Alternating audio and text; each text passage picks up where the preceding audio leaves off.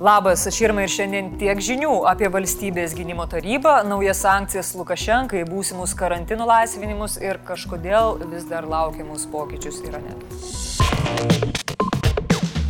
Papasakosiu, kaip spartus Lietuvos ekonomikos augimas vos nepražudė mūsų tėvynės apsaugos ir vos nesukiršino mūsų su NATO partneriais. Pagal ekonominio bendradarbiavimo ir plėtros organizacijos šių metų prognozes, Lietuvos ekonomika augs greičiau nei prognozuota anksčiau, o augant ekonomikai mažėja procentinė dalis skiriama gynybai. Buvo kilęs pavojus, kad dėl to finansavimo gynybai santykių su BVP sumažės iki 1,99 procentų, o NATO esame įsipareigoję, kad jis bus ne mažesnis nei 2 procentai. Situacija situaciją išgelbėjo prezidentas, sušaukęs valstybės gynimo tarybą. Čia panašiai kaip su teisingumo lyga, tik tai niekas neturi supergalių, o artimiausias žmogus Batmanui yra Gitanas, nes bendrausi berniukais ir greičiausiai naktimis gelbėja pasaulį. Jo ekscelencija, finansų ministrai ir krašto apsaugos viceministras sutarė gynybos finansavimą šiais metais padidinti 20,5 milijonų eurų ir tokiu būdu užtikrinti, kad asignavimai šiais ryčiai sieks 2,3 procentų BVP. Ir žinoma pasikalbėta, kaip padaryti, kad užtikrintume iki 30 metų 2,5 procentų pasiekimą. Paliestas ir sienos su Baltarusija saugumo klausimas. Pristatyta pažanga rengiant krizių valdymo koncepciją ir aptarta, kaip užtikrinti, kad į mūsų rinką nepatektų Astravo atominės elektrinės elektra. Kalbėdama apie pasienį su gudais, Agne Bilotaitė dar kartą paminėjo didėjantį migrantų skaičių palapinių miestelį bei planuojamus namelius vietoje jų. Jie taip pat užsiminė, kad reikia perginkluoti sienos apsaugos pareigūnus, atnaujinti jų ginkluotę ir įdėkti maksimalę sienos apsaugą, nes pasirodo. Mūsų pasienio pareigūnai dėja dar yra ginkluoti 57-92 metų Kalašnikovais. Turbūt baltarusų pasieniečiai rodo juos pirštų ir juokiasi. Hmm. Bilotatai pristatė tris galimus migrantų krizės scenarius. Pirmuoju, jei sieną kirstų iki 500 migrantų, jų apgyvendinimui būtų naudojamos savivaldybės patalpos ir maitinimas. Antruoju, jei iki tūkstančio, būtų įrengta papildoma stovyklavietė ir po trijų parų naudojamos savivaldybės patalpos. O jei iki dešimties tūkstančių, dvi stovyklavietės ir po dviejų parų savivaldybės patalpos. Arvidas Anušauskas nebuvo pasirengęs papasakoti apie Lietuvos pasiruošimą kibernetiniams grėsmėms. Jis du kartus pakartojo, kad iš tikrųjų tikrųjų kiekviena institucija, kiekviena ministerija e, turi numatyti lėšas tam kibernetiniam saugumui užtikrinti. Išversiu. Krašto apsaugos ministras sako, kad mes neturim bendros kibernetinės gynybos strategijos, o tuo kiekvienas turi rūpintis pats. Kaip sako liaudės išmintis, kibernetinė gynyba yra pačių ginamųjų reikalas. Nacionalinio saugumo ir gynybos komiteto pirmininkas Laurinas Kaščiūnas pasigyrė, kad pasistumėta kuriant integruotą krizių valdymo sistemą. Tai būtų ta struktūra, kuri akumuliuotų visą informaciją, turėtų indikatorius grėsmių, prognozuotų situaciją, teiktų visą, visą informaciją vyriausybei ir tada į Nacionalinio saugumo komisiją pagal grėsmės prigimti reaguotų vienai per kitaip, viena ar kita institucija būtų vedanti ir, ir lyderiaujanti. Tai... Be to, jis vėl pareklamavo fizinės sienos su Baltarusija projektą už um, 15 milijonų eurų. Tai tie gynybos žinių. Ar jau jaučiate saugesnė? Kaista ne tik trinkelės už lango, bet ir Lukašenkos veidas. ES užsienio reikalų ministrai sutarė dėl sektorinių sankcijų Baltarusijos ekonomikai. Luksemburgė ministrai paremė plačias priemonės nukreiptas prieš svarbius Baltarusijos autoritarinio režimo pajamų šaltinius - kalio trašų eksportą, tabako pramonę, naftos ir jos produktų eksportą ir finansų sektorių. Ministrai oficialiai patvirtino nutarimą taikyti sankcijas 78 fiziniams asmenims ir 8 juridiniams subjektams Baltarusijoje. Sankcijų taikiniams bus draudžiama išduoti ES vizas, o bendrijos jurisdikcijoje esantis jų turtas bus išaldytas. Beje, du iš sankcijų sąraše esančių asmenų verslą vystė ir Lietuvoje. Pasak pareigūnų šios priemonės, įskaitant ir sugriežtintą draudimą parduoti Baltarusijai stebėjimo įrangą ir ginklų embargą, artimiausiomis dienomis turėtų būti oficialiai patvirtintos 27 bendrijos šalių. ES užsienio politikos vadovas Josepas Borelis sakė, kad ES yra nusiteikusi itin skaudžiai paveikti Baltarusijos Rusijos ekonomiką ir spausti režimą.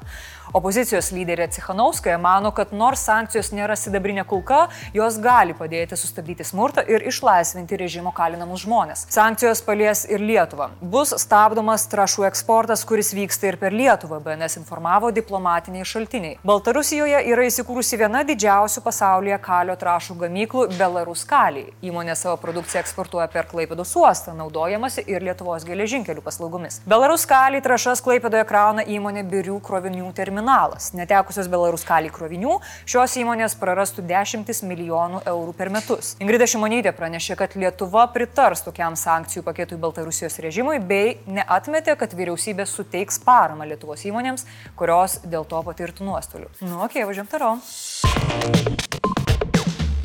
Ar karantinas kada nors pasibaigs? Šis mėnuo karantino gali būti ir paskutinis. Pagaliau, tą sako ir sveikatos apsaugos ministras. Tebe manau, kad birželis galėtų būti paskutinis karantino mėnuo. O ką dėl karantino per Joninės? Sveikatos apsaugos ministerija pasiūlė vyriausybei birželio 23-24 dienomis į atvirose erdvėse organizuojamus renginius leisti patekti ne tik su elektroniniais bilietais, taip pat panaikinti reikalavimą juos stebėti tik iš sėdimų vietų bei draudimą prekiauti maistu, gėrimais ir teikti kitas paslaugas renginių vietose. Tai sulaukė premjerės kritikos. Ji mano, kad dėl šalyje užfiksuotos indiškos deltos atmainos tai tikrai ne pats protingiausias sprendimas. Tuo tarpu ekonomikos ir inovacijų ministrė Aušinė Armonaitė teigia, kad jeigu jau pasileidžiam leidžiam plaukus, tai pasileiskim normaliai. Suvažimus laisvinkim nuosekliai visiems ir ne tik per joninės. Jei sprendimas būtų priimtas, kaukės renginiuose liktų. Sveikatos apsaugos ministras prakalbo ir apie pasiruošimą rudeniui. Jo teigimu bus tobulinami testavimo algoritmai, pasirūpinta priemonėmis pandemijos valdymui, o didžiausias dėmesys bus skiriamas švietimo sistemai ir galimybei grįžti į kontaktinį ūkdymą. Reikia visiems aktyviai, aktyviai vakcinuotis, skiepytis ir paraginti daryti tai visus. Tuo tarpu prezidentas atidarė sveikatos formą, pasidžiaugė galintis matyti gyvai susirinkusius renginių dalyvius, tačiau... Pasinaudodamas progą noriu paraginti pernelyg nesipalaiduoti ir neimti pernelyg anksti švesti pandemijos pabaigos. Jis pridūrė tikintis, kad lemtingas lūžis kovoje su COVID-19 jau arti. Nebejoju, kad ateitie sėkmingai kovosime su naujomis koronaviruso atmainomis, pritaikydami joms vakcinas. Šiaip tai yra labai keista, kai prezidentas vieną dieną už aktyvų pilietiškumą pagiria akivaizdžiai koronavirusą neigiančius ir karantiną pažeidinėjančius asmenys, o po to medikų bendruomeniai dėkoja už jų indėlį kovoje su pandemija. A jo, jisgi prezidentas visiems, gerai, gerai, viskas klausimo neturi.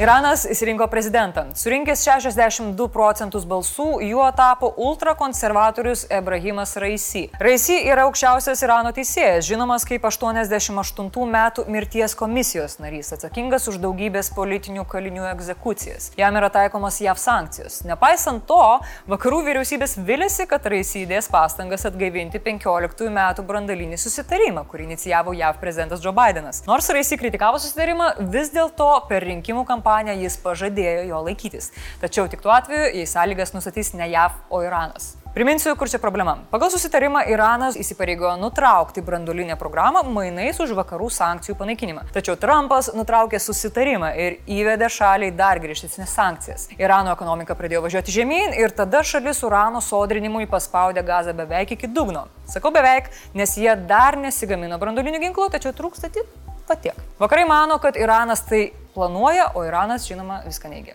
Kad susitarimas būtų išgelbėtas, Vašingtonas turi atšaukti Trumpo sankcijas, o Teheranas privalo įsipareigoti laikytis susitarimo nuostatų. Tačiau abi dvi šalis laukia pirmojo žingsnio iš oponentės. Daryboms koja pakišti gali ir naujasis prezidentas. Anksčiau jis yra pasisakęs, kad sankcijos yra niekis, o Iranas gali puikiai išgyventi su izoliuota ekonomika. Bet, Hebra, šiaip jau, Vienintelis dalykas, kurį verta sodrinti, yra sodros pensijos, o vienintelis uranas, prie kurio verta kišti nagus, yra planeta.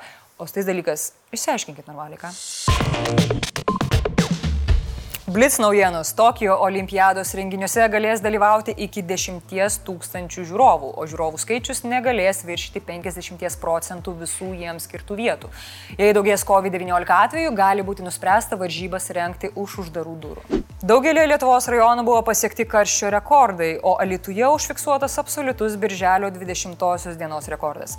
Birželio 21 naktis šilčiausia Birželio naktis per visą meteorologinių stebėjimų istoriją. Klaipidos vanduo pranešė apie Klaipidoje pasiektą vandens suvartojimo rekordą, bet jo antradienį galime tikėtis trumpų, bet galingų liūčių. Švedijoje žlugo vyriausybė. Stefanas Liovenas tapo pirmuoju šalies premjeru pralaimėjusiu balsavimą dėl nepasitikėjimo.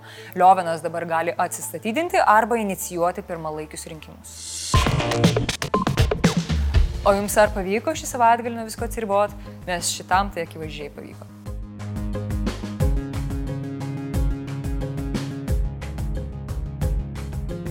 Jeigu neištirpsiu rytoj vėl aš, o šiandien tiek žinių.